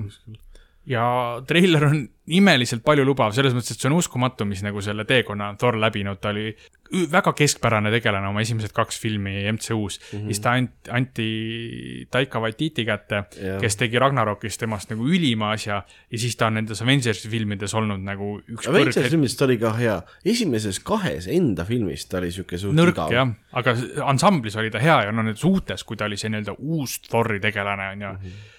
Siis ta oli minu jaoks üks tipphetki ja see uus film tundub ka sihuke hoopis teise vibe'iga lugu, et sihuke see Flash Gordoni või Masters of the Universe'i mingi siukene kaheksakümnendate sihuke nagu Ragnarok, ainult et rohkem sihuke interkontinentaalne ja, ja ja tundub lõbus sihuke eneseleidmise vaata, et noh, ta ongi kolm tuhat aastat olnud sõdalane ja ta ei viitsi enam, ta tahaks olla mingi muu asi, midagi rahulikumat aga päris ei lasta teda, on ju, et, et äh, pensionile veel. Ja muidugi see vahva storyline tuleb sinna sisse, et Jane Foster on tagasi, Mjolnir on tagasi ja meil on naisthor nimega Mighty Thor, keda siis mängibki Jane Foster ehk Natalie Portman ja vaatame, mis sealt hakkab saama Jah.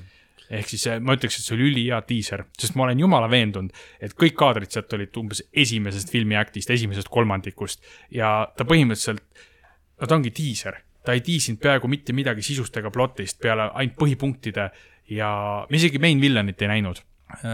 me teame main villanit ainult sellepärast, mis on see ametlik ploti kokkuvõte, kirjalik. Ja ta põhimõtteliselt diisis ainult selle filmi vibe'i. Jah, ja see vibe tundub sihuke, noh, seiklus, rõõmuseiklus, noh. See, see vibe saab selles mõttes olema huvitav, Taika teeb ju mega hästi, noh, lavastab Taika Waititi siis mm, -hmm. teeb mega hästi seda komöödiat, mille sisu on äh, päris hard-hittingly kurb tihtipeale. Mm, -hmm. sest isegi ju Ragnarok tegelikult nagu väga cool'id tegelased said otsa seal ja nagu see emotsionaalselt Asgard tapeti ära, see terve nende, nende realm lõppes ära, onju, et aga ta teebki nagu Jojo Rabbit ja kõik need filmid, et need on nagu väga rasked filmid, aga jah, jah, ta suudab käsitleda selliseid raskeid teemasid niimoodi läbi huumori, ilma et ta vähendaks seda kaalu, mis nendel rasketel teemadel on. no üliandekas äh, tegija, onju, et metsikult jah, miks ma seda Thori kõige rohkem just ootan, sest et see on äh, minu, minu Thor äh, selles mõttes, et äh, ma hakkasin Thori, noh, praegusel hetkel Thor on minu lemmik Marveli tegelane mm, -hmm. just koomiksites ka jah, Äh, ja ma hakkasin Thori nagu lugema rohkem umbes aasta sihuke kaks tuhat kümme, kaks tuhat üksteist, Mhm. kaks tuhat kümme hakkas, kaks tuhat üksteist pigem hakkas pihta äh, Core the God Butcheri ark, mis on siis selle filmi sisu. jah, mis ongi selle ja filmi pärast story. seda tuli Jane Fosteri ehk The Mighty Thori ark siis mm. -hmm. mis on need kaks suurt arki, mida mina olen lugenud. ja need on literaali need story'd, mis pannakse sellesse filmi nüüd kokku Jah. siis ja see ongi nagu see. ma No olen sa- nii, nii naeruväärselt põnevil nagu just sellepärast, et, et noh. see saab, see saab hea olema, ma arvan, need on väga head koomiksid, millel need põhinevad. jah, ja see oligi siia lõppu meie sihuke väike Marveli nurgake väike sihuke, sihuke nerd out lõppu veel mm. mm. -hmm. küll aga ma arvan, et äh, jällegi näen, et baarileti taga vilgutatakse meile, tõmmake otsi kokku tulukest. meil on elektriarve maksmata, asjad vilguvad lihtsalt natukene siin. või siin pannakse, pannakse vist lihtsalt kinni võib-olla. elektribörsi hind on ka maailma lõpus nii kõrge, et, et äh, siin. siia tuleb elektrit kilekottidega tuua, selles on see jama. see on jama jah, see läheb kalliks. raketikütus ei ole lummekuste on lause, mida mitte keegi maailma ajaloos ei ole enne öelnud. mm. -hmm. sellegipoolest, kui teile see meeldis või ei meeldinud, siis kui ei meeldi, ei meeldinud, siis ärge rääkige teistele, aga kui meeldis, rääkige kõigile. rääkige meile ka, võtke ühendust, rääkige oma lemmikutest ja nagu ikka, tehke soovitusi, Instagramist leiate meid, et maailma lõpu kino podcast, kirjutage meile Gmaili, maailmalõpukino et gmail.com, oodatud on kõik need asjad, mis alati, kiitused, kaebused, soovitused.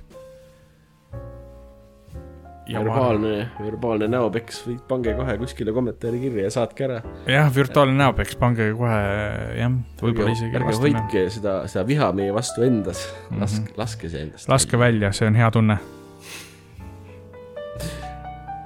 näeme järgmine kord. oli tore, tšau.